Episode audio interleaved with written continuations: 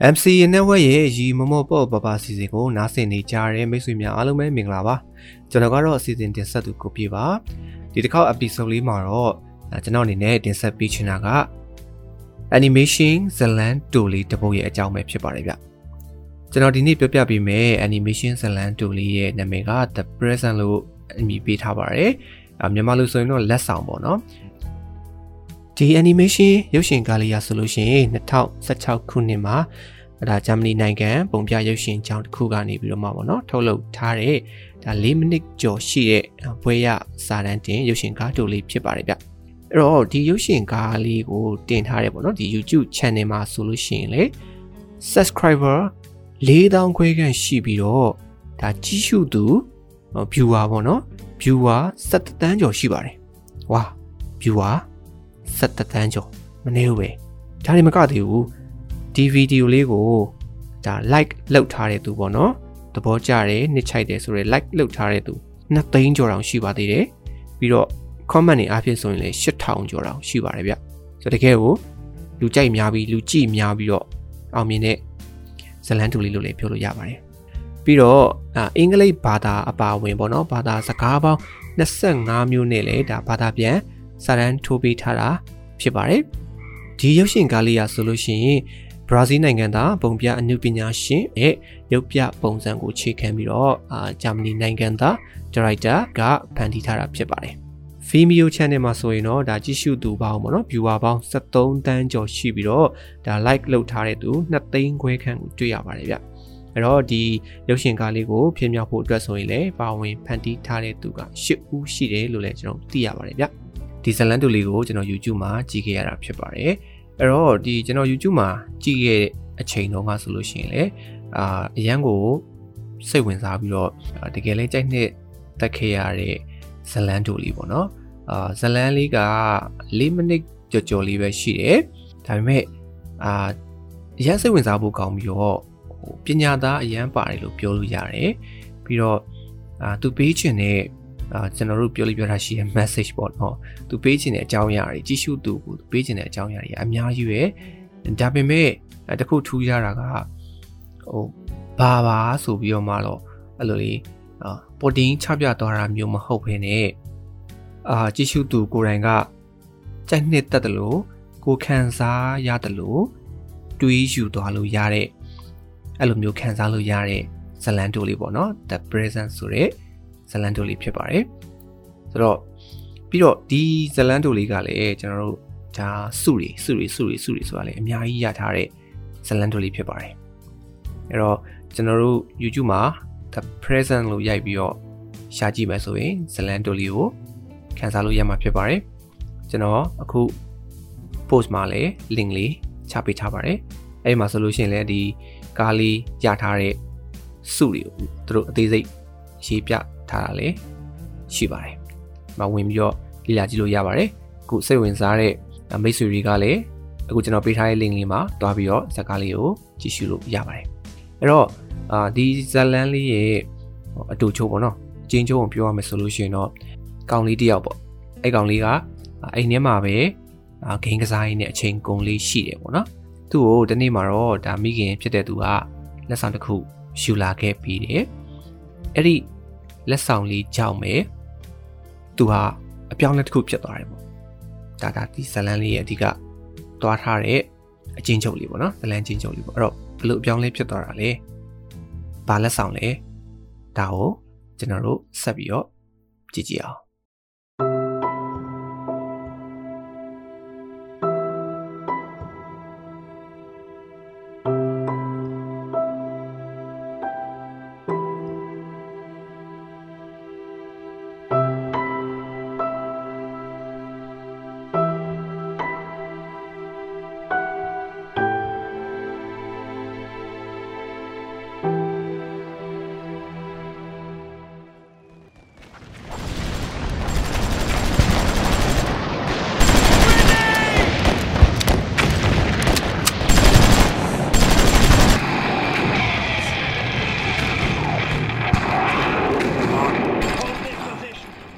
ကျွန်တော်ဒီဇလန်လေးနဲ့ပတ်သက်ပြီးတော့ပထမဦးဆုံးပေါ့နော်ပထမဦးဆုံးအနေနဲ့ကျွန်တော်ဒီဇလန်လေးကိုအာရုံလုံးပို့အောင်ပေါ့နော်ကျွန်တော်တရုပ်ဖော်လေးနည်းပြောပြပေးချင်ပါတယ်ဒါကလည်းကျွန်တော်တို့ဒီဒီအစီအစဉ်ကိုနားထောင်နေကြတဲ့ထဲမှာကျွန်တော်တို့အမြင်အာရုံမတန်ဆွမ်းတဲ့ညီကိုမောင်နှမတွေပါမယ်ဆိုတော့သူတို့အတွက်သူတို့ခံစားလို့ရအောင်ပေါ့နော်ဒီဇလန်လေးကိုဒါကျွန်တော်ကအပြောနဲ့ပေါ့နော်ကျွန်တော်ပြန်ပြီးတော့တရုပ်ဖော်ပေးမှဖြစ်ပါတယ်ဆိုတော့ဒီဇလန်လေး ဆက်ဆချင်းမှာအာကောင်လေးတယောက်ပေါ့နော်အိမ်ထဲမှာဂိမ်းထိုင်စော့နေတဲ့မြင်ကွင်းလေးနဲ့စထားတယ်ပေါ့နော်အဲ့တော့သူဂိမ်းစော့နေတာကဘယ်လိုဂိမ်းမျိုးလဲဆိုတော့ပြစ်နေခတ်နေတဲ့အတန်ကြီးကြားရတယ်ပေါ့နော်အဲ့ဒီအတန်ကိုကြားခြင်းအပြင်ဒါသူဒီအာစစ်တိုက်တဲ့ဂိမ်းတစ်ခုပေါ့နော်ဒါကိုသူကစားနေတယ်လို့ကျွန်တော်ခံစားရတယ်အဲ့တော့ဟိုဘာဂိမ်းကစားနေလဲဆိုတော့ TV screen တော့ပြတာတော့ မဟုတ်ဘူးပေါ့နော်ဒါပြီးအဲတုံတုံတိုင်းတိုင်းနဲ့တိုင်းတိုင်းတိုင်းတိုင်းဝုံတိုင်းပေါ့နော်အဲ့လိုအာပြစ်တဲ့ခက်တဲ့အတန်တွေပောက်ခွဲတဲ့အတန်တွေနဲ့ဒီကောင်လေးဂိမ်းဆော့နေတဲ့အယုံတွေကိုတွဲပြီးပြထားတာဖြစ်ပါတယ်အဲ့တော့အာဒီကောင်လေးကဒါစစ်တိုက်တဲ့ဂိမ်းတစ်ခုကိုကစားနေတယ်ဆိုတာကိုသိလိုက်ရတယ်ပေါ့နော်ကောင်လေးကကစားနေတာလုံးဝဟိုစိတ်ပါလက်ပါပဲဗျတဲကြီးမေးကြီးကိုသူကစားနေတာသူ့ရဲ့အာယုံကဂိမ်းထဲမှာပဲလုံးဝဟိုသူ နစ်မျောပြီးတော့သူစိတ်ပါလက်ပါကစားနေရယ်စိတ်ဝင်စားနေကစားနေရယ်ပေါ့နော်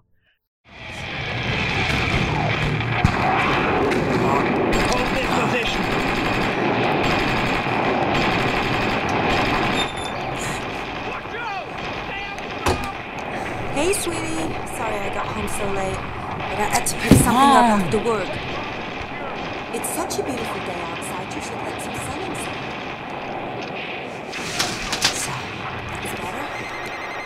Why don't you stop playing and open the present I got for you? For me? Hello? Oh, yes, sir. I don't know why you didn't get the papers. I put them on your desk before I left. Okay. ဆိုတော့အဲ့အချိန်မှာအာသူ့အမေလုပ်တဲ့လူကပြန်ကနေပြီးပြန်လာတယ်အဲ့တော့အမေလုပ်တဲ့လူကအာလက်ထဲမှာလည်းစကူပုံလေးတစ်ပုံကိုကင်လာတယ်ပြီးတော့အိမ်ထဲဝင်လာပြီးတော့သူကသူ့သား ဖြစ်တဲ့သူကိုလည်းသူကပြောလိုက်တယ်ပေါ့နော်အာသူအိမ်ပြန်နောက်ကျသွားတာအတွက် sorry ပါပေါ့နော်ဆိုပြီးသူပြောတယ်ပြောလာပြီးတော့အာသူယူလာတဲ့စကူပုံလေးကိုသူ့သားဂိမ်းဆော့နေတဲ့အရှိရစပွဲကုံလေးပေါ်ကိုတင်ပေးလိုက်တယ်ဆိုတော့အဲ့အထိကောင်လေးကသူ့မိယူလာတဲ့စက်ကူပေါ်ကိုစိတ်မဝင်စားသေးဘူးတဂိမ်းပဲဂိမ်းကိုပဲလောကတိုက်ကြီးမကြီးဆော့နေပေါ့နော်တိုက်ကြီးမကြီးဆော့နေတယ် ဒီစက်ကူပေါ်ကိုသူတစ်ချက်လေးတော့သူကြည့်လိုက်တယ်ပေါ့နော်ကြည့်လိုက်ဒါပေမဲ့သူစိတ်မဝင်စားဘူးသူ့မိကလည်းပြောတယ်အပြင်မှာနေသားတယ်ပေါ့နော်ဆိုတော့ဟိုသူ့သူ့အမိရဲ့သဘောထားအရာဆိုလို့ရှိရင်သူအပြင်မှာထွက်ကစားစီခြင်းနဲ့သဘောရှိပုံရပါတယ်အပြင်မှာဒီနေ့ရန်နေသားတယ်နေရောင်လေးခံတဲ့နေပေါ့နော်သူ့မိကအာအိမ်လိုက်ကာလေးလည်းဖွင့်ဖြစ်တင်ပေါင်းမှာကာထားတဲ့လိုက်ကာလေးကိုလည်းဖွင့်ပြီးတော့မှဒါနေရောင်လေးဝင်လာတာကိုသူမီကခံစားရတယ်ပေါ့နော် အဲအဲ့အချိန်မှာပဲကောင်လေးကလုံးဝအာဂိမ်းကိုစိတ်ပါလက်ပါကစားနေတဲ့အချိန်မှာပဲအဲသူတို့အိမ်ကဖုန်းမြည်လာတယ်အဲ့ဒီအချိန်မှာသူ့မိကလည်းဖုန်းသွားကင်မှုပေါ့နော်ထွက်သွားတယ်ပြင်ဆင်လိုက်တယ်ပေါ့နော်အဲ့ဒီအချိန်မှာဖုန်းမကင်ခင်လေးမှာသူ့သားကိုလှမ်းပြီးတော့ပြောလိုက်သေးတယ်ပေါ့နော်ဂိမ်းကစားနေတာကိုရက်ပြီးတော့ပေါ့နော်မင်းဘာလို့ဂိမ်းကစားနေတာကိုရက်ပြီးတော့အာမင်းတို့လက်ဆောင်ကိုဘာလို့ဖွင့်မကြည့်သေးတာလဲပေါ့ဆိုသူ့မိကလမ်းပြောလိုက်အဲ့တော့မှအကောင်လေးကဒီလက်ဆောင်ဘုံကို သတိထားမိတော့အော်ဒါကျွန်တော်အတွက်လာပေါ့နော်ဆိုပြီးတော့မှကောင်လေးကအဲ့လိုတန်တော်ဖြစ်သွားပြီးဘုံလေးကိုလည်းသူကကြည့်လိုက်တယ်ပေါ့နော်ဘာလဲပေါ့နော်အာသူ့မိကတော့အဲ့ချိန်မှာဖုန်းပြောရင်းနဲ့အိမ်ပေါ်တဲ့ကိုတက်သွားတယ်ပေါ့နော်သူ့မိကအိမ်ပေါ်တဲ့ကိုတက်သွားပြီးကောင်လေးကြံခဲ့တယ်ပေါ့နော် Whoa! cool!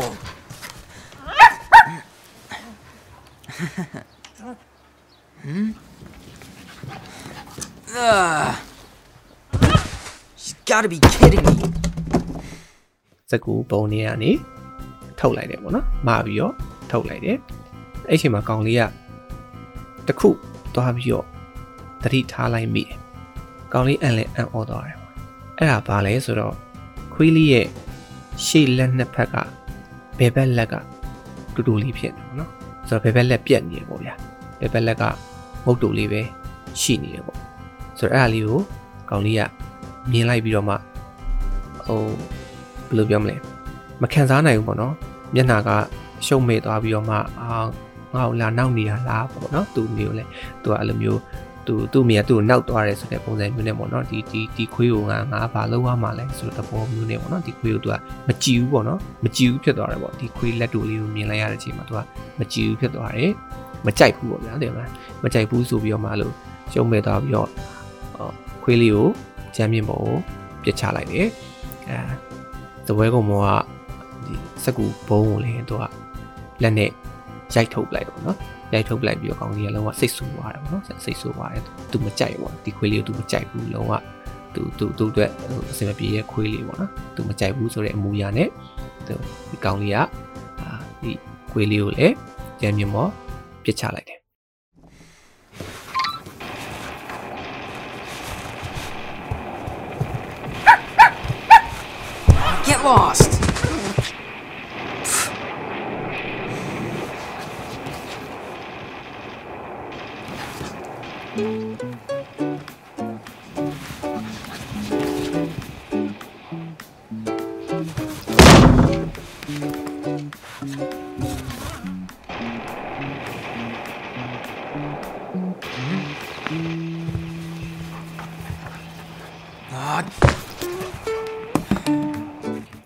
အဲ့ချိန်မှာခွေးလေးကလူလေးနဲ့ပြန်ထလာတယ်ပြန်ထလာပြီးတော့ဟိုကြည့်တီကြည့်နဲ့ကောင်လေးစီကိုပြန်သွားတယ်သူ့ရဲ့ညာလက်လေးနဲ့ကောင်လေးရဲ့ခြေထောက်ကိုသွားကင်ပြီးတော့ဟိုဟောင်းလဲဟောင်းတယ်ပေါ့နော်ဟောင်းလဲဟောင်းတယ်အတန်လဲပြီးတယ်ပြီးတော့ကောင်လေးကိုအဲ့သူ့လက်လေးနဲ့ခြေထောက်လေးကိုပုတ်ပြီးတော့လဲသူကတို့ထီတယ်ပြီးတော့ကောင်လေးမျက်နှာကိုလဲမော့ပြီးတော့ကြည့်ရပေါ့နော်အဲ့မှာဆိုတော့သူကလုံးဝအမှဟောင်းတယ်အဲကောင်လေးကိုသွားပြီးတော့ သူကအဲသူ့လက်လေးနဲ့သွားပုတ်တယ်ကောင်လေးမျက်နှာကိုမော့ကြည့်တယ်ဆိုတော့အဲ့ဒီအချိန်မှာကောင်လေးကဂိမ်းဆက်ကစားနေတယ်သူလုံးဝမကြည့်တော့ဘူးပေါ့မျက်နှာလည်းလုံးဝတုံမှုံနေပြီမကြည့်တော့ဘူးခွေးလေးကအဲ့လိုလာလို့တဲ့အချိန်မှာလည်းသူကခြေထောက်နဲ့ကန်ထုတ်ပလိုက်တယ်ခွေးလေးကိုပေါ့နော်အဲ့တော့ပြီးတော့မကြည့်တဲ့မျက်နှာအမူအရာနဲ့လည်းသူကခွေးလေးကိုလှုပ်ပြီးတော့မှဟိုဂိမ်းဆက်ကစားတယ်ပေါ့နော်အဲ့တော့ဟိုခွေးလေးကပတ်လက်လေးလန်သွားတာပေါ့နော် ပတ်လက်လေးလန်ပြီးတော့ရက်ကန်ရက်ကန်နေပေါ့နော်အဲ့လိုဖြစ်နေတဲ့အချိန်မှာခွေးလေးကဒါအဲ့လိုပတ်လက်လန်နေတဲ့အချိန်လေးမှာပဲသူကဘာလေးသွားတွေ့လေဆိုတော့သူနဲ့မလန်မကန်းမှာရှိနေတဲ့ဘီရူဘီရူအောက်ထဲကဘောလုံးလေးတစ်လုံးခွေးလေးကသွားတွေ့သွားတွေ့ရအားနဲ့အာခွေးလေးကပျော်သွားတယ်ပေါ့နော်ပျော်သွားပြီးတော့အဲ့ဘီရူအောက်မှာရှိနေတဲ့ဘောလုံးကိုသူကယူဖို့သွားလိုက်တယ်အဲအဲ့ချိန်မှာလဲ ဟိုဗီဒီယိုနဲ့ခေါင်းနဲ့လဲဝုန်းဆိုတိုက်မိတယ်ပေါ့ဗျာအဲအဲ့ချိန်မှာအာပြီးတော့အခွေလေးကဗီဒီယိုအောက်ထဲဝင်သွားတယ်ဘောလုံးလေးကိုယူတယ်အဲ့ချိန်ထိကောင်လေးကဂိမ်းကစားနေတော့မယ်ဒါပေမဲ့အဲ့ချိန်မှာကောင်လေးကရုတ်တရက်သူတစ်ခုခုကိုမြင်လိုက်တယ်လို့မျိုးပေါ့နော်သူ့ရဲ့မျက်နှာကအံ့ဩသွားတယ်ပြီးတော့မှဗာလေးလဲဆိုတော့ဘောလုံးလေးပေါ့နော်ခုနစပွဲအောင်မှာအဲဗီဒီယိုအောက်မှာရှိနေတဲ့ဘောလုံးလေးဟိုအဲ့ဘောလုံးလေးက ကောင်လေးရဲ့ခြေထောက်နာကိုလိမ့်လာတယ်ပေါ့နော်ကောင်လေးရဲ့အလားကိုတွေ့လိုက်ရတယ်အဲ့ချိန်မှာခွေးလေးကလည်းရောက်လာတယ်ဒီကောင်လေးကိုခွေးလေးရဲ့မျက်နှာပြုံးပြီးတော့မှကောင်လေးကိုမော့ကြည့်တယ်ပေါ့ဆိုတော့ဟိုသဘောတရားဗျာဒီဘောလုံးနဲ့ခွေးလေးနဲ့စော့မယ်ပေါ့နော်ဒီခွေးလေးကဒီဘောလုံးလေးနဲ့စော့မယ်ပေါ့ဆိုတော့သူတခင်ကိုသူအဲ့လိုသူစော့မယ်ဆိုတော့မူရာမျိုးပေါ့ဗျာတဲ့မှာကလေးလေးကလေးလေးတယောက်တာဆိုလို့ရှိရင်အဲ့လိုအဲ့လိုသဘောမျိုးပေါ့လာစော့ကြရအောင်ဆိုတဲ့ ပုံစံမျိုးနဲ့ခွေးလေးကလည်းကောင်လေးစီကိုသွားတယ်ဒါပေမဲ့ကောင်လေးကလုံးဝပဲအဲ့ဘောလုံး6နဲ့ကန်ထုတ်လိုက်တယ်လုံးဝမကြည့်ဘူးပေါ့နော်ဒါပေမဲ့အဲ့ကောင်လေးကန်ထုတ်လိုက်တဲ့ဘောလုံးကအဲ့တော့ဒီခုနခွေးလေးကိုထည့်လာတဲ့စက်ကူပုံပေါ့နော်အဲ့စက်ကူပုံကလည်းဟိုအရှိမကောင်လေးကတော့သပွဲကုံပေါ်ကနေလက်နဲ့ရိုက်ချလိုက်တော့စက်ကူပုံကအောက်မှာပြုတ်ကျသွားတာပေါ့နော်အဲ့တော့အဲ့စက်ကူပုံတွေကိုဘောလုံးလေးကဝင်တော့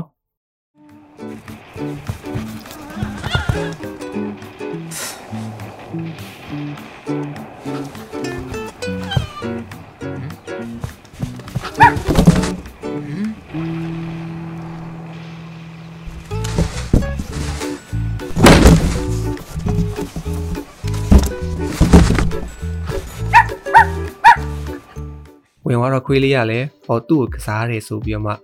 ခွေးလေးကလည်းအဲ့ဘောလုံးလေးရှိတဲ့စီကိုပြေးသွားတယ်ပြေးသွားတော့ဗျာအဲရှေ့လက်တစ်ဖက်မရှိတဲ့ခါကျတော့ပြေးတဲ့ခါမှာဟန်ချက်ကမညီဘူးပေါ့အာမညီတော့ချော်လေးတယ်ဒလိန်ကောက်ဝေးလဲသွားတယ်အဲ့ဒါကောင်လေးကမြင်တော့ဟိုမျက်မှောင်ကြုံပြီးမျက်နှာရှုံမဲ့ပြီးတော့စင်မပြေဘူးပေါ့ကွာတည်ရမလားအဲအဲ့လိုမျိုးမကြည်တဲ့အမူအရာနဲ့အာဒီကောင်ကတော့ဘာမှ ဟိုတုံးစားမရပါဘူးပေါ့နော်အတုံးမကြဘူးဆိုတော့ပုံစံမျိုးနဲ့ကောင်လေးကဒီမျက်ပေါင်ကြုံကြည့်ပြီးတော့မှဂိမ်းပဲစက်ကစားနေတယ်ပေါ့နော်အခွေးလေးကတော့ခုနအဲ့စက်ကူပုံထဲဝင်သွားတဲ့ဘောလုံးလေးကိုသူကဘယ်မှကသွားယူတယ်လမ်းမှာသူနှစ်ခါသုံးခါလောက်ချော်လဲတယ်ဒါပေမဲ့အဲ့စက်ကူပုံလေးတွေကဘောလုံးသူမရရအောင်သွားယူတယ်ပေါ့နော်ပြီးတော့သူအမှစက်ကူပုံလေးတွေကိုခုံပြီးတော့ဝင်လိုက်တဲ့အချိန်မှာစက်ကူပုံကသူ့ကိုလိမ့်သွားပြီးတော့မှစက်ကူပုံကသူ့ကို အုပ်ထားတယ်လို့ဖြစ်နေတယ်ပေါ့နော်အဲ့ဒီမှာကောင်လေးကအာဂိမ်းကစားနေရနေမှာအဲ့ဒါကိုမြင်သွားတယ်ဒီကောင်လေးကအမှနည်းနည်းစိတ်ဝင်စားသွားတယ်ပေါ့နော်စိတ်ဝင်စားသွားတဲ့အမူအရာလေးဖြစ်သွားတယ်ပြီးတော့သူစက်ကြည့်နေရပေါ့စက်ကြည့်နေအဲ့စက်ကူပုံအောက်ထဲမှာခွေးလေးကအဲ့လိုပဲ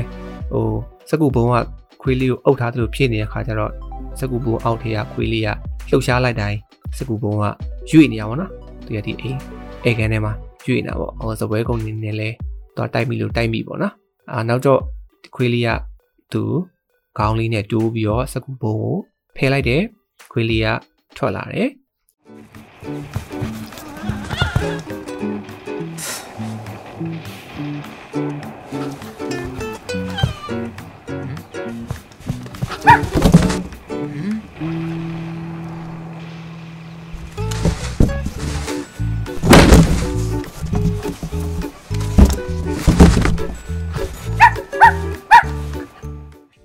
ပြီးတော့ကွေလီကဒီကောင်လေးဘက်ကို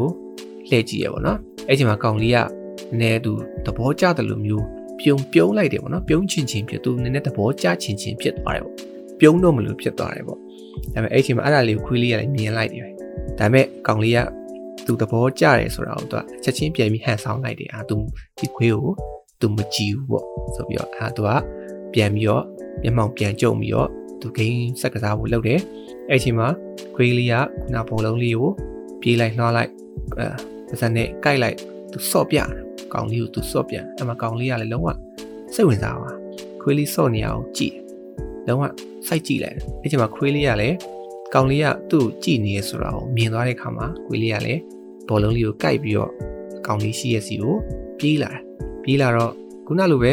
ဟန်ချက်မညီရက်ခါကျတော့ချော်လဲတယ်ပါစံမှာကိုက်လာတဲ့ဘောလုံးလေးကလွတ်ကြတယ် ခွေးလေးကပြန်ကိုက်တယ်ကောင်လေးစီကိုသူပြေးနိုင်တယ်လို့ပေါ့နော်သူပြေးသွားတယ်ပြီးတော့ကောင်လေးရှိရောက်တယ်ဘောလုံးလေးကိုသူကောင်လေးရှိမှချပေးလိုက်ပြီးတော့သူငုတ်တုတ်လေးကောင်လေးကိုမော့ပြီးကြည့်နေတယ်ကောင်လေးကလည်းအဲ့ချိန်မှာအံ့ဩသွားတယ်အံ့ဩသွားပြီးတော့မှတပြင်းချလိုက်တယ်ဟမ်ပေါ့နော်တပြင်းချလိုက်တယ်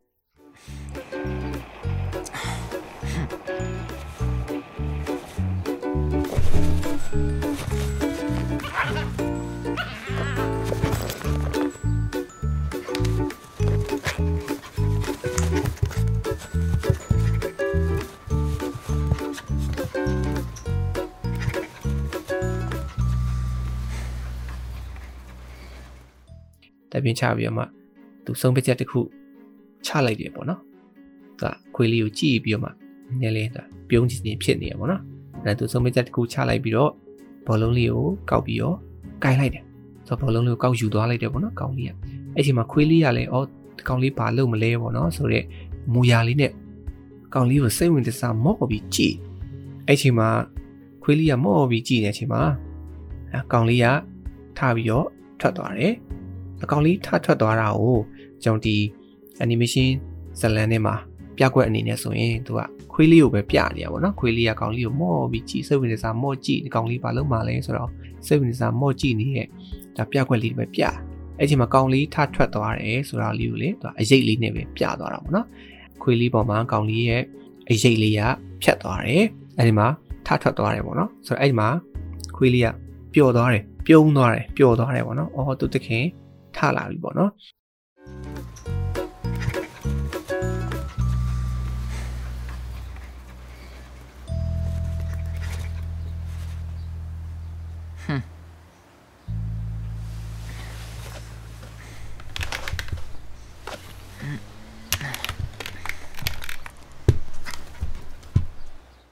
ခွေးလေးကပျော်သွားတယ်ဒါပေမဲ့အဲ့ကောင်လေးထလိုက်တဲ့ဟာကောင်လေးထထွက်လာတဲ့အချိန်မှာ ကောင်လေးကိုလည်းပြလဲပြလိုက်ကောအဲ့ဒီမှာထူးဆန်းတာတစ်ခုကဘာလဲဆိုတော့ကောင်လေးကလက်ထောက်ကလေးနဲ့ဖြစ်နေတယ်ပြီးတော့ကောင်လေးကအဲ့လက်ထောက်ကလေးကိုထောက်ထောက်ထောက်ထောက်ပြီးတော့တကားရှိတဲ့စီကိုထွက်သွားတဲ့အချိန်မှာကောင်လေးရဲ့ဘယ်ဘက်ခြေထောက်ကလည်းဒီဒူးလောက်ကနေပြီးတော့မှပြက်နေရပေါ့နော်ဒူးလောက်ကနေမရှိဘူးပေါ့ဆိုတော့ကောင်လေးကလည်းဒါခြေထောက်တစ်ဖက်မရှိတဲ့ မတန်ဆွမ်းသူတယောက်ဖြစ်နေရပေါ့နော်။နောက်သူကလက်ထောက်လေးနဲ့သွားတယ်။အိမ်တကားကိုဖွင့်တယ်။ဒါကောင်လေးဖွင့်လိုက်တဲ့အချိန်မှာသူအိမ်တကားကတဝက်လောက်ပဲပွင့်နေရပေါ့နော်။အဲ့ဒါကိုခွေးလေးကပြေးအပြေးလွှားလေးဝမ်းသာအားရအပြေးလွှားလေးရောက်လာပြီးတော့ခေါင်းလေးနဲ့တိုးပြီးတော့တကားကိုဆုံးထိဖွင့်ပေးတယ်ပေါ့နော်။အဲ့ချိန်မှာကောင်လေးကသူ့ရဲ့အမေကိုလှမ်းပြောလိုက်တယ်အမေသားတို့အပြင်မှာရှိနေမယ်ပေါ့နော်။ဆိုလှမ်းပြောပြီးတော့ကောင်လေးရောခွေးလေးရော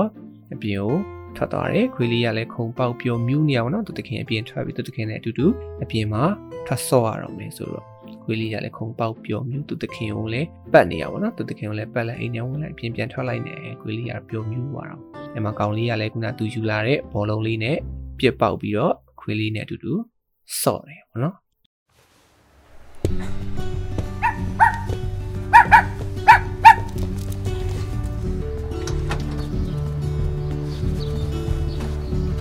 Mom, we'll be outside.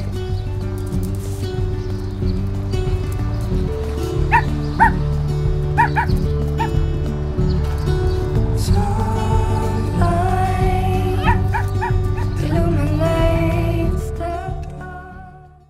ဇလန်လေးကဒီလိုလေးနဲ့ပဲအဆုံးသတ်ထားပါတယ်စုစုပေါင်းမှကျွန်တော်တို့ဒီစာတန်းထိုးအပီးပေါ့နော်တကယ်တမ်းဇလန်ရဲ့ကြာခြင်းကကျွန်တော်3မိနစ်ခွဲလောက်ပဲရှိပါတယ်ကျန်တာကတော့ အာစာတန်းထိုးတာပါညာပေါ့နော် credit တွေပေါ့ဒါလေးနဲ့ပဲ4မိနစ်ကြော်ကြော်လောက်တော့ဖြစ်သွားတယ်ပေါ့နော်ဆိုတော့အခုဒါကျွန်တော်ဒီ animation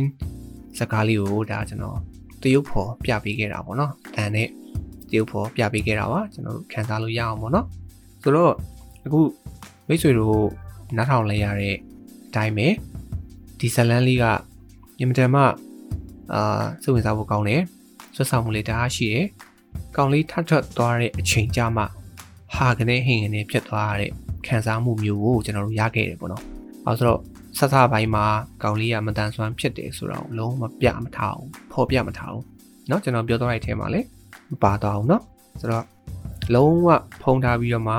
နောက်ဆုံးကြတော့မှကောင်လေးကလည်းမတန်ဆွမ်းသူတယောက်ဖြစ်နေတယ်ဆိုတာကိုပြလိုက်တယ်ပေါ့နော်အဲ့တော့ခွေးလေးကလည်းရှေ့လက်တစ်ဖက်မရှိဘူး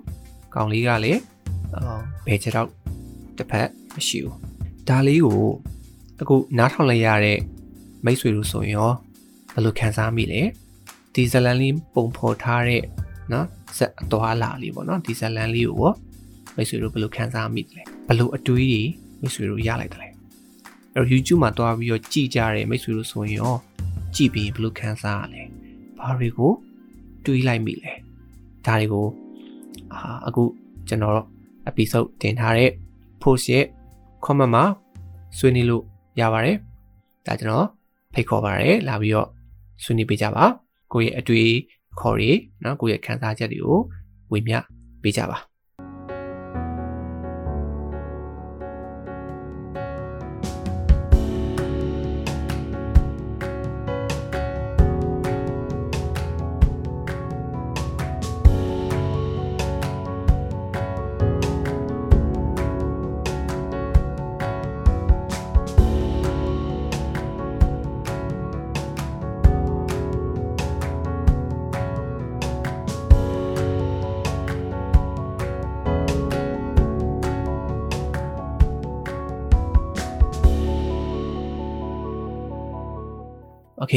အဲ့တော့ကျွန်တော်ကိုယ်တိုင်လည်း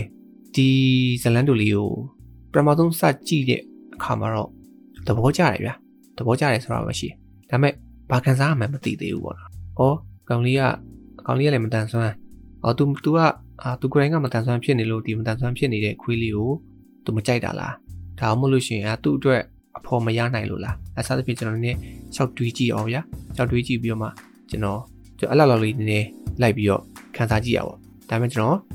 မကျင်တဲ့သေးဘူးမဟုတ်ဘူးဒီဒီဇလန်တူလေးက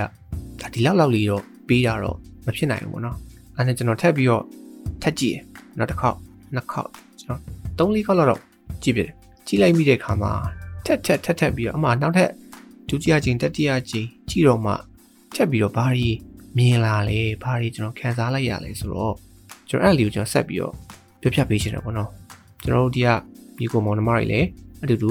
ခံစားလို့ရအောင်ပေါ့နော်ဆိုတော့ပထမတစ်ချက်ကဒါဒါကတော့ကျွန်တော်ဒီမတန်ဆွမ်း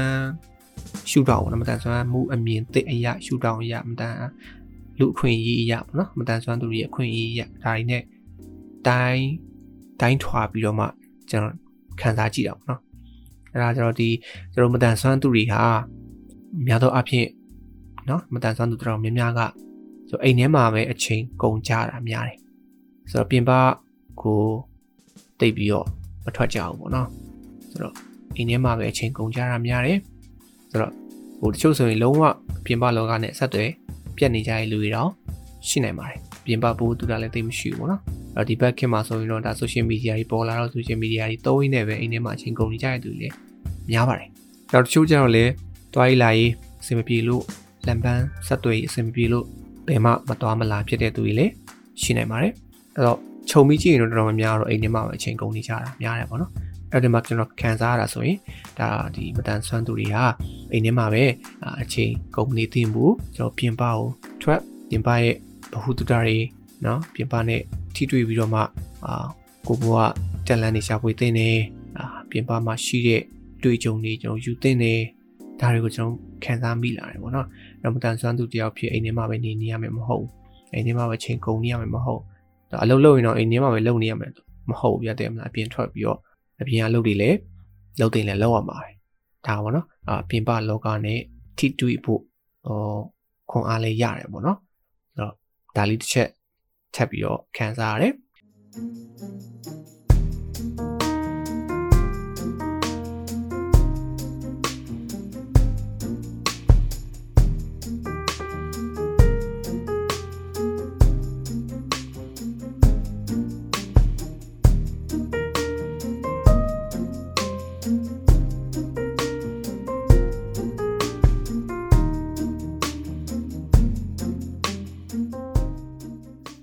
နောက်တစ်ချက်အနေနဲ့ဆိုရင်ဘာကိုထပ်ပြီးတော့ခန်းစားရလဲဆိုရင်ကိုယ့်ရဲ့ချွေရင်ချက်ကိုယ့်ရဲ့အာနေချက်ပေါ့နော်ကိုယ့်ရဲ့အတန်ဆွမ်းမှုပေါ့ဒါကိုလက်ခံသင်တယ်ဆိုတော့တွေးမြင်လေးတစ်ခုပေါ့နော်ဆိုတော့ပထမပိုင်းမှာကောင်လေးကဒီခွေးလေးအာဒီရှေ့လက်လေးတစ်ဖက်မရှိတာကိုမြင်လိုက်တဲ့အခါမှာကောင်လေးကလုံးဝသဘောမကျဘူးဗျာမကြိုက်ဘူးအဲ့တော့ခွေးလေးကိုလုံးဝပြစ်ထုတ်ပလိုက်တာပေါ့နော်ကြမ်းမြင်ဖို့ ပြစ်ချပလိုက်တယ်သူခွေးလေးကိုလုံးဝအမြင်မကြည့်တော့ဘူးပေါ့နော်ဆိုတော့ဒါကလေသူကရင်ကလည်းမတန်ဆွမ်းဖြစ်နေတဲ့ခါကျတော့နောက်ထပ်သူ့အတွက်လက်ဆောင်ဆိုပြီးတော့မှရောက်လာတဲ့ခွေးလေးကလည်းမတန်ဆွမ်းဖြစ်နေတဲ့ခါကျတော့သူကအဲ့ဒါကိုလုံးဝလက်မခံနိုင်ဘူးဖြစ်သွားတယ်ဆိုတော့ခုနကကျွန်တော်ရှေ့မှာပြောခဲ့တယ်လို့ပဲပေါ့ဒီခွေးကငါ့အတွက်ဘာအသုံးဝယ်မှာတော့9000 9000ဒီလိုဖြစ်နေတာဒီခွေးကလည်းဒီလိုလားဖြစ်နေရဆိုတော့ဟိုဘာဘာ သုံးကြမှာလဲငါအတွက်အဖော်လည်းမရနိုင်ဘူးဆိုပြီးတော့မှဒီကောင်လေးကဒီလိုမျိုးခံစားရကောင်လေခံစားရလိမ့်မယ်အဲဒါကြောင့်မလို့ကောင်လေးကဒါကိုလက်မခံနိုင်ဘူးသူကသူလည်းလက်မခံနိုင်ဘူးဆိုတော့ဒီကောင်လေးရဲ့နောက်ွယ်မှာလည်းခံစားချက်တစ်ခုရှိလိမ့်မယ်ပေါ့နော်။ဘာလို့မတန်ဆွမ်းသူတယောက်ဖြစ်နေဆိုတော့ခါကျအကြောင်းမျိုးမျိုးကြောင့်မတန်ဆွမ်းဘဝရောက်သွားရတာမျိုးလည်းအများကြီးဖြစ်နိုင်တယ်။ဆိုတော့အဲ့မတန်ဆွမ်းဖြစ်သွားရတဲ့အခြေအနေပေါ်မှာလည်းကောင်လေးက စိတ်ခံစားချက်တွေအများကြီးရှိနိုင်တယ်ဆိုတော့သူကိုယ်သူလည်းလက်မခံနိုင်တဲ့အနေအထားမျိုးတွေဖြစ်နိုင်တယ်အဲ့တော့သူနဲ့အလားတူခွေးကလေးကမှလည်းတွားတွေ့လိုက်တဲ့ခါကျတော့ဒါကိုခွေးလေးသူသူသူ့ကိုယ်သူမကြည်တဲ့ချက်တွေကိုနော်သူ့ကိုယ်သူလက်မခံနိုင်တဲ့မကြည်တဲ့ချက်တွေကိုသူခွေးလေးပုံပုံချလိုက်တယ်လို့မျိုးပေါ့နော်ခွေးလေးကိုမကြိုက်ဘူးဆိုပြီးတော့သူကလုံးဝခွေးလေးကိုပြစ်ပယ်လိုက်တယ်ပေါ့နော်ဒါကိုကြည့်ချင်းအပြင်ကျွန်တော်တို့ကဒါခုမှကိုယ့်ရဲ့ဖြစ်တည်မှုတစ်ခုပဲပေါ့နော်ဒါကိုကျွန်တော်ကလက်ခံရမယ်ဘယ်လိုပဲဖြစ်နေဖြစ်နေလက်ခံရမယ် လက်ခံပြီးတော့ကျွန်တော်ကအကောင်းဆုံးရှင်သန်ရမယ်အကောင်းဆုံးရက်တည်ရမယ်ဒါပဲဒါအရေးကြီးရပါတော့ဆိုတော့ကျွန်တော်ဘဝမှာလည်းဒီလိုပဲဒီသဘောတရားတွေနဲ့ကျွန်တော်လူသားတွေကအားလုံးကကျွန်တော်မတန်ဆွမ်းသူတွေမှမဟုတ်ပါဘူးเนาะလူသားတွေအားလုံးကဒီသဘောတရားနဲ့ပဲကျွန်တော်ကရှင်သန်နေကြတာဆိုတော့လူတိုင်းလူတိုင်းမှာဖြစ်တည်နေတဲ့ဘဝတွေအများကြီးရှိတယ်ကျွန်တော်မတူညီတဲ့ဘဝတွေအများကြီးရှိတယ်အဲ့တော့ကိုပြီးတော့ဒီလိုမျိုးဖြစ်တည်မှုတွေเนาะကို ဖြစ်လာတဲ့ဘဝတွေဒါကျွန်တော်ရွေးချယ်ခဲ့တာတွေမဟုတ်ဘူးတော့သူဖြစ်လာတာအော်တိုဖြစ်လာတာတော့ကျွန်တော်တို့ကအာမတန်ဆွမ်းဖြစ်ခြင်းနဲ့ကျွန်တော်မတန်ဆွမ်းဖြစ်အောင်လုပ်ပေးပါဆိုပြီးတော့မှလည်းကျွန်တော်တောင်းဆိုခဲ့ရတယ်မဟုတ်ဒါဟာကျွန်တော်တို့မရွေးချယ်ပဲနဲ့ဖြစ်လာတဲ့ဘဝတွေပဲအလိုလိုဖြစ်လာတဲ့ဘဝတွေပဲဒါကိုကျွန်တော်ကလက်ခံရမယ်လက်ခံပြီးတော့ခုနပြောသလိုပဲအကောင်းဆုံးရှင်သန်ရမယ်အကောင်းဆုံးရည်တည်ရမယ်ကြိုးစားရမယ်ဒါပဲပေါ့နော်ဆိုတော့လူတိုင်းလူတိုင်းက ဒီသဘောတရားကိုပဲဒီ theory ကိုပဲအာလက်ကင်ထားပြီးတော့ရှင်သန်တဲ့နယ်လို့ဒါကျွန်တော်ကတော့ဒီမှာကြုံလို့ဒီစကားလေးပါချင်ပါတယ်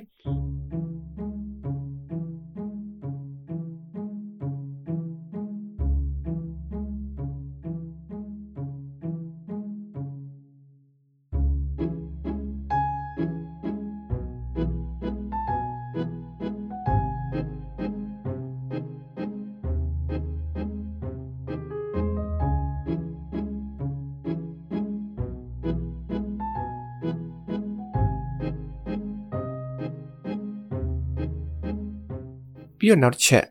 သူတို့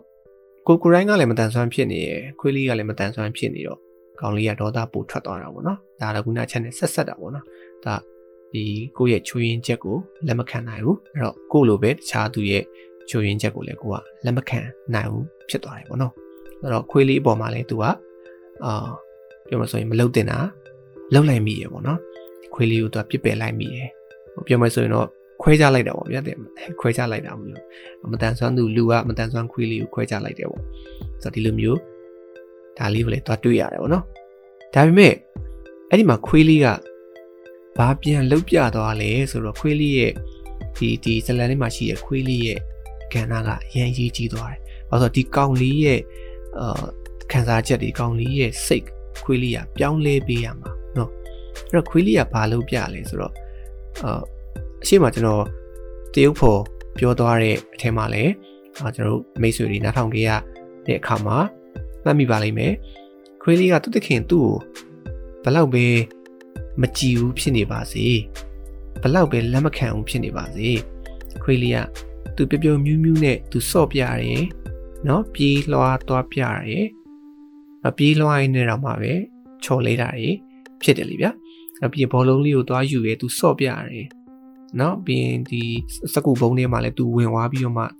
သူအမျိုးမျိုးစော့ပြတယ်ဘောလုံးလေးကိုကိုက်ပြရတယ်ဘောလုံးလေးကိုအေးကောင်လေးစီကိုလာပို့ပေးတယ်ဆိုတာဒီလိုမျိုးလေးနဲ့သူကစော့ပြအဲ့ဒါဘာလဲဆိုတော့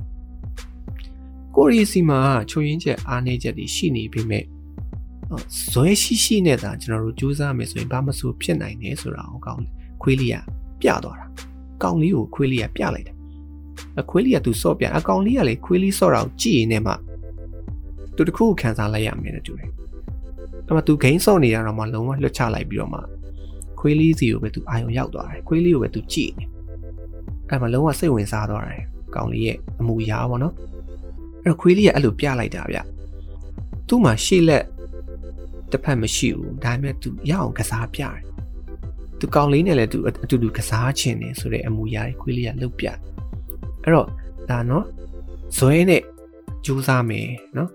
ကို့မှာအားနေချက်ရှိနေပေမဲ့အမတန်ဆွမ်းမှုတစ်ခုရှိနေပေမဲ့ဇွဲရှိရှိနေတာကျွန်တော်ကြိုးစားမယ်ဆိုဘာမှဆိုဖြစ်နိုင်တယ်ဆိုတာကိုခွေးလေးကကောင်းလေးကိုပြလိုက်တာပဲအဲ့ဟာလေးကကျွန်တော်အရန်သဘောကျတယ်အဖန်တီးမှုအပြင်ဆိုရင်လည်းပညာသားအရန်ပါတယ်လို့ပြောလို့ရတယ်အော်ဒီခွေးလေးရဲ့လှုပ်ရှားမှုတွေကဒါကြည့်လိုက်ရင်တမကရှန်ငါပဲခွေးလေးတစ်ကောင်က ဒီတိုင်းပဲလှုပ်ရှားနေတာပဲသူကသူခုံပေါက်နေတာပဲပေါ့နော်ခွေးတဘာဝဒါပေမဲ့မဟုတ်ဗျ driver ရဲ့ပြီးချင်တဲ့ message ကအဲ့လိုမျိုးကျွန်တော်ခံစားရတယ်ဗျခွေးလေးကသူကကောင်လေးကိုပြောမဆိုကောင်လေးရဲ့စိတ်ကိုဒီခွေးလေးကသူ့ရဲ့အာလှုပ်ရှားမှုနဲ့ပေါ့နော်သူကအလုံးနဲ့ပြောမဆိုတက်တည်ပြပြီးတော့ကောင်လေးရဲ့စိတ်ကိုနှိုးဆွပေးလိုက်တာပေါ့နော်ခုနတော်တော်လို့ကောင်လေးရဲ့စိတ်ထဲမှာရှိနေတဲ့ခံစားချက်တွေငုံနေတဲ့ခံစားချက်တွေနှိုးဆွပေးလိုက်ဆိုတော့ကောင်လေးက ခွေးလေးကိုကြည့်ပြီးတော့ဘာဖြစ်သွားလဲသူ့ရဲ့ဒီတင်းထားတဲ့စိတ်တွေသူကရော့သွားတယ်ပြောမဆိုရင်တော့ motivation ဖြစ်သွားတယ်ပေါ့နော်အာစိတ်ခွန်ကရသွားတယ်ပေါ့ဆိုတော့ခွေးလေးနဲ့သူအတူတူ trust solve လိုက်တယ်ဆိုတော့သူအပြင်သူ့အမေအပြင်ကို trust solve စေခြင်းနဲ့ဆန္ဒလည်းပြည့်သွားတယ်ပေါ့နော်ကောင်လေးကအပြင်မှာခွေးလေးနဲ့တူတူ trust solve လိုက်တယ်ဆိုတော့ဒါဒီပြကွက်လေးအရင်သဘောကျတယ်ပညာသားလည်းအရင်ပါတယ်ပြီးတော့ခုနကပြောလို့မတန်ဆွမ်းသူတွေရဲ့ရှူတောင်းကကျွန်တော်ကြည့်မယ်ဆိုလို့ရှိရင်ဒါဟာ အာရန်ကိုမှ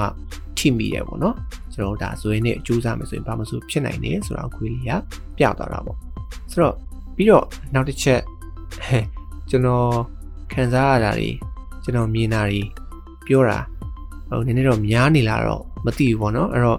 ဒါမိတ်ဆွေတို့လည်းဒါနားထောင်ရင်းနဲ့ပေါ့နော်ကိုအနေနဲ့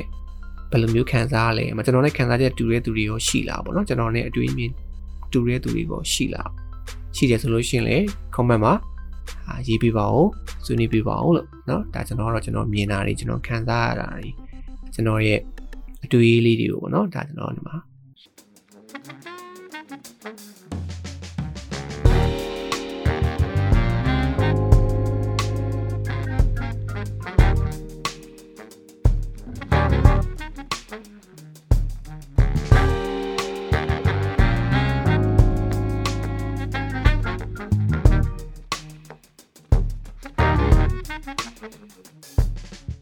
အဲအဲ့တော့ဟိုကျွန်တော်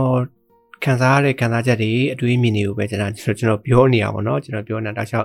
ဖြစ်သွားပြီပေါ့အဲ့တော့ဟိုကျွန်တော်တို့အဲ့တော့ကျွန်တော်မိတ်ဆွေတွေလည်းအာကျွန်တော်နဲ့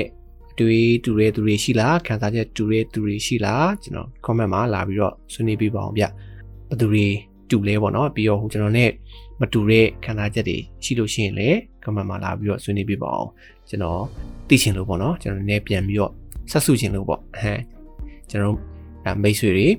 ဒါကျွန်တော်နဲ့ခံစားချက်တူတဲ့သူတွေရှိလားဒါမှမဟုတ်ဘယ်လိုမျိုးမတူတဲ့ခံစားချက်တွေရှိလဲဆိုတော့ကျွန်တော်ပြန်သိခြင်းလို့ပေါ့နော်အဲ comment မှာလာပြီးတော့ဆွေးနွေးပေးကြပါဦးဒါပြောရင်းနဲ့ကျွန်တော်ဖိတ်ခေါ်ပါတယ်အဲ့တော့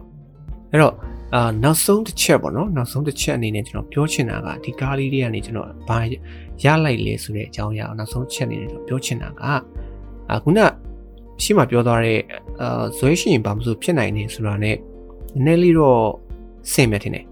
ဒါပေမဲ့ကျွန်တော်နည်းထပ်ပြီးတော့ပြောပြပါအောင်မယ်အဲ့ဒါဘာလဲဆိုတော့ကျွန်တော်တို့ရဲ့ဘဝမှာเนาะကျွန်တော်ရဲ့ဘဝရှုံးတယ်လို့ခံစားရတယ်တခါတလေဘဝကပို့ပြီးတော့ခက်ခဲနေရလို့ခံစားရတယ်ကျွန်တော်တို့မှာအားနည်းချက်တွေရှိနေတယ်လို့ခံစားရတယ်เนาะကျွန်တော်တို့ရဲ့ဘဝတွေကဟို မလှပဘူးပေါ့ဗျာသိရမလားဘဝခါတယ်ပေါ့အဲဘဝခါတယ်ဆိုပြီးတော့မှခံစားရတာကြီးရှိတယ်အဲ့တော့ဒီ quick ကလေးစီကနေကျွန်တော်တို့ဘာဒီခွန်အားရလိုက်တယ်လေဆိုလို့ရှိရင်အဲခုနပြောတဲ့ခံစားချက်တွေနော်ဒါတွေဒါတွေကျွန်တော်မှအားနည်းချက်တွေရှိတယ်ဘဝကြီးကခက်ခဲတယ်ခါသီးတယ်ဒီလိုမျိုးတွေရှိနေပေမဲ့နော်ကျွန်တော်ရဲ့ဘဝမှာဒီလိုခံစားချက်တွေရှိနေရဆိုရင်ကျွန်တော်တို့ဘယ်တော့မှအရှုံးမပေးဘဲနဲ့ကြိုးစားပါအောင်မြင်နိုင်တယ်ဆိုတဲ့ ခံစားမှုလေးကိုကျွန်တော်ရတယ်ဗျတကယ်လဲဒီကားထဲမှာခွေးလေးอ่ะဒီတိုင်းမလေး तू သူ့တခင်ကသူ့ကိုလုံးဝမကြည်ဘူးဗျာတဲ့မလုံးဝဟိုအဖက်မလုပ်ချင်ဘူးเนาะဟိုရှေ့လက်တစ်ဖက်မရှိဘူးဆိုပြီးမှမတန်ဆွမ်းခွေးလေးဆိုပြီးမှအဖက်မလုပ်ဘူးလွတ်တော့ပြစ်ပလိုက်တာဒါပေမဲ့ခွေးလေးကဒါကိုရှုံးပေးလိုက်လားလက်လျှော့လိုက်လားမလျှော့ဘူးသူ့တခင်ပေါ်မှာလည်း तू လုံးဝစိတ်မပြတ်သွားဘူး သူ့သခင်ပေါ်မှာလည်းသူလုံးဝသူ့သခင်ပေါ်မှာလည်းသူလုံးဝစိတ်မပြတ်သွားအောင်သူ့သခင်ကိုလုံးဝစိတ်သက်ပြန်ပြီးတော့တက်ကြွလာအောင်ခွေးလေးကလှုပ်ပေးခဲ့တာအဲ့တော့သူဘရောမှာအရှုံးမပေးဘဲနဲ့သူ့သခင်ကိုသူရအောင်စီးယုံနိုင်ခဲ့တယ်သူ့သခင်ရဲ့ခံစားချက်တွေကိုပို့ပြီးတော့အာမြင့်တက်လာအောင်ခွေးလေးကလှုံ့ဆော်ပေးနိုင်ခဲ့တယ်အဲ့တော့ဒါကိုကြည့်ချင်းအဖြစ်နော်ကျွန်တော်တို့ကဘလောက်ပဲအခက်ခဲနေပါစေ ဘဝကဘလောက်ပဲကြမ်းတမ်းနေပါစေဘလောက်ပဲခါသိနေပါစေကျွန်တော်တို့ဘယ်တော့မှအရှုံးမပေးဘဲနဲ့ကျွန်တော်တို့စူးစမ်းမယ်ဆိုလို့ရှိရင်ဒီနေ့မှာကျွန်တော်တို့တေချာအောင်မြင်မှာပဲဆိုတာကိုကျွန်တော်ဒါနောက်ဆုံးဘိတ်အနေနဲ့ကျွန်တော်ပြောပြပေးချင်ပါတယ်။တော့ကျွန်တော်ကိုယ်တိုင်လေဒီဇလန်ဒူလေးကနေပြီးတော့မှအော်စိတ်ခွန်အားကြီးလည်းအများကြီးရတယ်။အတိအတွေးအခေါ်တွေလည်းအများကြီးရတယ်။အချို့တွေးခေါ်တွေလည်းအများကြီးပြောင်းလဲသွားတယ်ပေါ့နော်။ ဆိုတော့ဒီ၄မိနစ်စာလောက်ရှိတဲ့ဇလန်တူလေးကနေပြီးတော့မှဒါဒီလိုကျွန်တော်တို့ရဲ့အတွေ့အခေါ်တွေခံစားချက်တွေနောက်စိတ်ခွန်အားတွေထားအများကြီးကျွန်တော်ရလိုက်တယ်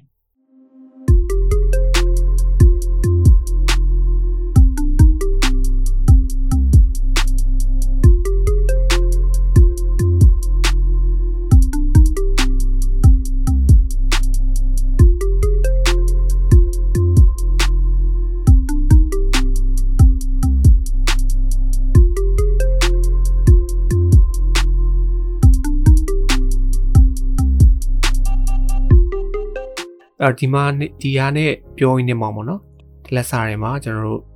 ညီကိုမောင်နှမတွေအားလုံးပေါ့နော်မသက်ဆွမ်းညီကိုမောင်နှမတွေအပါအဝင်အားလုံးကိုလည်းကျွန်တော်တို့ကဒီလိုဇလန်းတူလေးတွေ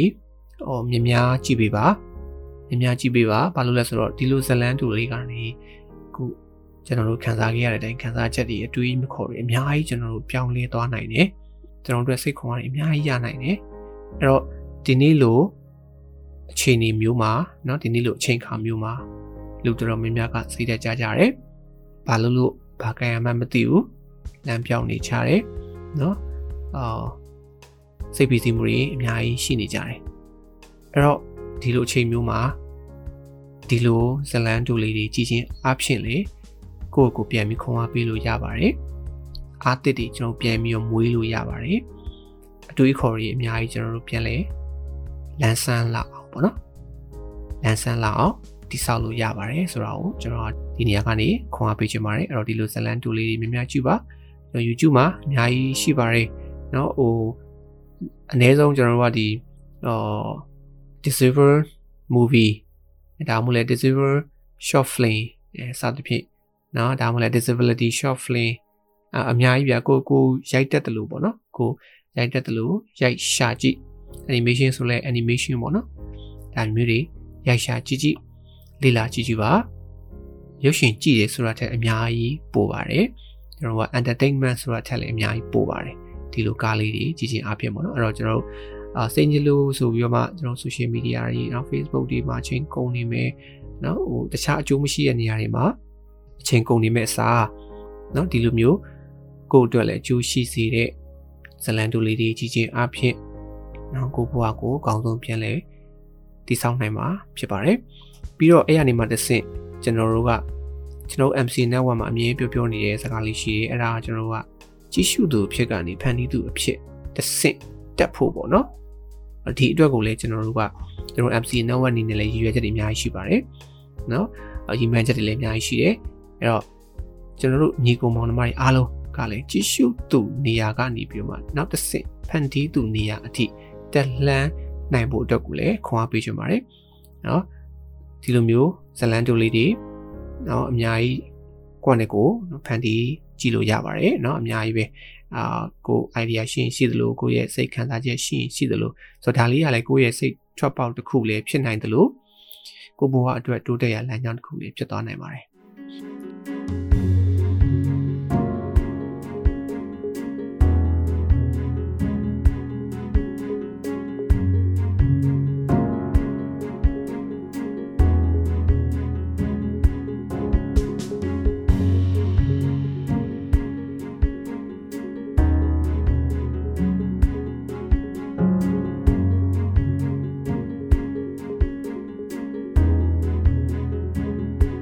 ဆိုတော့ဒါတွေနဲ့ပတ်သက်တဲ့ဤပညာတွေเนาะဟိုဘယ်ကစလုပ်လို့လော်မှန်းမသိဘူးဘာတွေလုပ်လို့လောရမှန်းမသိဘူးဆိုတဲ့အကြောင်းကြီးကိုမနမိုက်လည်းအများကြီးရှိပါတယ်ရှိနိုင်ပါတယ်အဲ့တော့ကျွန်တော်တို့ MC 9နဲ့လာပြီးတော့အာဆွေးနွေးလို့လည်းရတယ်လို့ကျွန်တော်တို့စီကအာဖွင့်လှစ်ထားတဲ့ဒီ vlogger class တို့ပေါ့နော်စသဖြင့်အာအခုဆိုလို့ရှိရင်ကျွန်တော်ကဒီ podcast နဲ့ပတ်သက်ပြီးတော့ကျွန်တော်တို့ ဒီ intern ပေါ့နော်လုတ်တင်ကြီးကိုမောင်နှမလေးခေါ်ထားလည်းရှိတယ်ဆိုတော့ဒီမှာလာပြီးတော့ရှောက်ပြီးတော့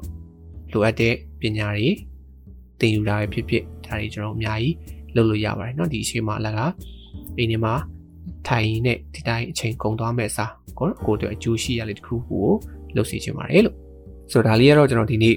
ကြုံလို့ပေါ့နော်ဒီဇာကားလေးအကြောင်းဆွေးနွေးနေမှာကြုံလို့ကျွန်တော်တို့ညီကိုမောင်နှမတွေအတွက်ကိုဒါအခွန်အားပေးခြင်းဖြစ်ပါတယ်အဲ့တော့အာဒီနေ့ကျွန်တော်ရဲ့အစီအစဉ်လေးကိုနားထောင်ပြီးတော့မှကျွန်တော်ညီကိုမောင်နှမတွေမိတ်ဆွေတွေအားလုံးကလည်းအာအတွေ့ခေါ်တွေတွေ့အမြင်တွေခံစားချက်တွေเนาะတခုခုတခုခုရသွားလိမ့်မယ်လို့ကျွန်တော်ယုံကြည်ပါတယ်ဒါတခုခုရသွားရင်ကျွန်တော်အများကြီးကျင်းနေပါတယ်เนาะတတိလေးပဲရရကျွန်တော်ကျင်းနေပါတယ်အဲ့တော့နောက်ထပ်နောက်ထပ် episode ဒီမှာလည်း ထပ်ပြီးတော့အားပေးကြပါအောင်လိုအပ်တဲ့ရှိလို့ရှိရင်လည်းထောက်ပြကြအောင်ပေါ့နော်အာပြီးတော့ကျွန်တော်ဒီ MC network ကနေပြီးတော့မှဒါအပတ်စဉ်ထုတ်လွှင့်နေတဲ့ကျွန်တော်ဒီ pocket အစီအစဉ်လေးတွေရှိတယ်ပြီးတော့ဒီစနေနေ့ညနဲ့တနင်္ဂနွေနေ့ညတွေမှာ MC network page ကနေပြီးတော့မှ direct ပေါ့နော် live ထုတ်လွှင့်တဲ့အဲကျွန်တော်တို့စကားဝိုင်းလေးတွေနော်အစီအစဉ်လေးတွေအများကြီးရှိပါသေးတယ်ဆက်လက်ပြီးတော့မှလည်းဒီမတူညီတဲ့နေပယ်က ညီကောင်မောင်နှမတွေနဲ့အတူတူမတူညီတဲ့ရှူတောင်းတွေမတူညီတဲ့အကြောင်းအရာတွေကိုလည်းအပတ်စဉ်တင်ဆက်ပေးနေပါတယ်ပြီးတော့ဒီအလုတ်တင်ညီကောင်မောင်နှမတွေရဲ့နော်တက်သစ္စလူငယ်ကဏ္ဍဆိုတဲ့ pocket အစီအစဉ်လေးတွေကိုလည်းအားပေးကြပါအောင်ကျွန်တော်တို့ဒီတန်ဆွမ်းညီကောင်မောင်နှမလူငယ်လေးတွေရဲ့နော်ဖန်တီးမှုနော်ခန်းစားချက်တွေသူတို့ရဲ့ဖန်တီးမှုတွေသူတို့ရဲ့အမှုပညာစွမ်းအားတွေဒါတွေကိုလာရောက်ပြီးတော့မှလည်းအားပေးကြပါအောင်လို့ဖိတ်ခေါ်ချင်ပါတယ်အဲ့တော့ဒီနေ့အစီအစဉ်လေးကိုအစားဆုံးနားထောင်ပေးခဲ့ကြတဲ့အတွက်အားလုံးကိုကျေးဇူးတင်ပါတယ် နောက်ထပ်နောက်ထပ်အစီအစဉ်တွေမှာထပ်ပြီးတော့မှဆုံတွေ့ပါအောင်မယ်အားလုံးပဲနေကောင်းကျမ်းမာအဆင်ပြေကြပါစေဗျာနှုတ်ဆက်ခဲ့ပါတယ်နော်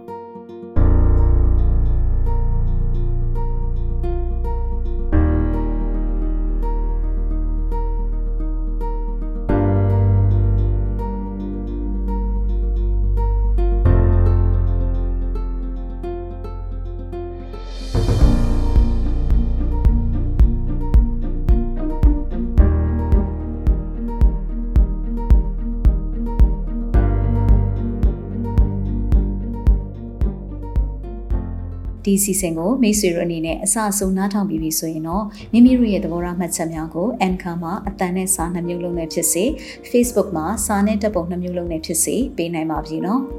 ဒီ season နဲ့ပတ်သက်ပြီးမိတ်ဆွေတို့ရဲ့မှတ်ချက်ပေးခြင်းအကြံဉာဏ်ပေးခြင်းမေးမြန်းခြင်းတို့ကိုလည်းအထူးပဲဖိတ်ခေါ်ပါရစေ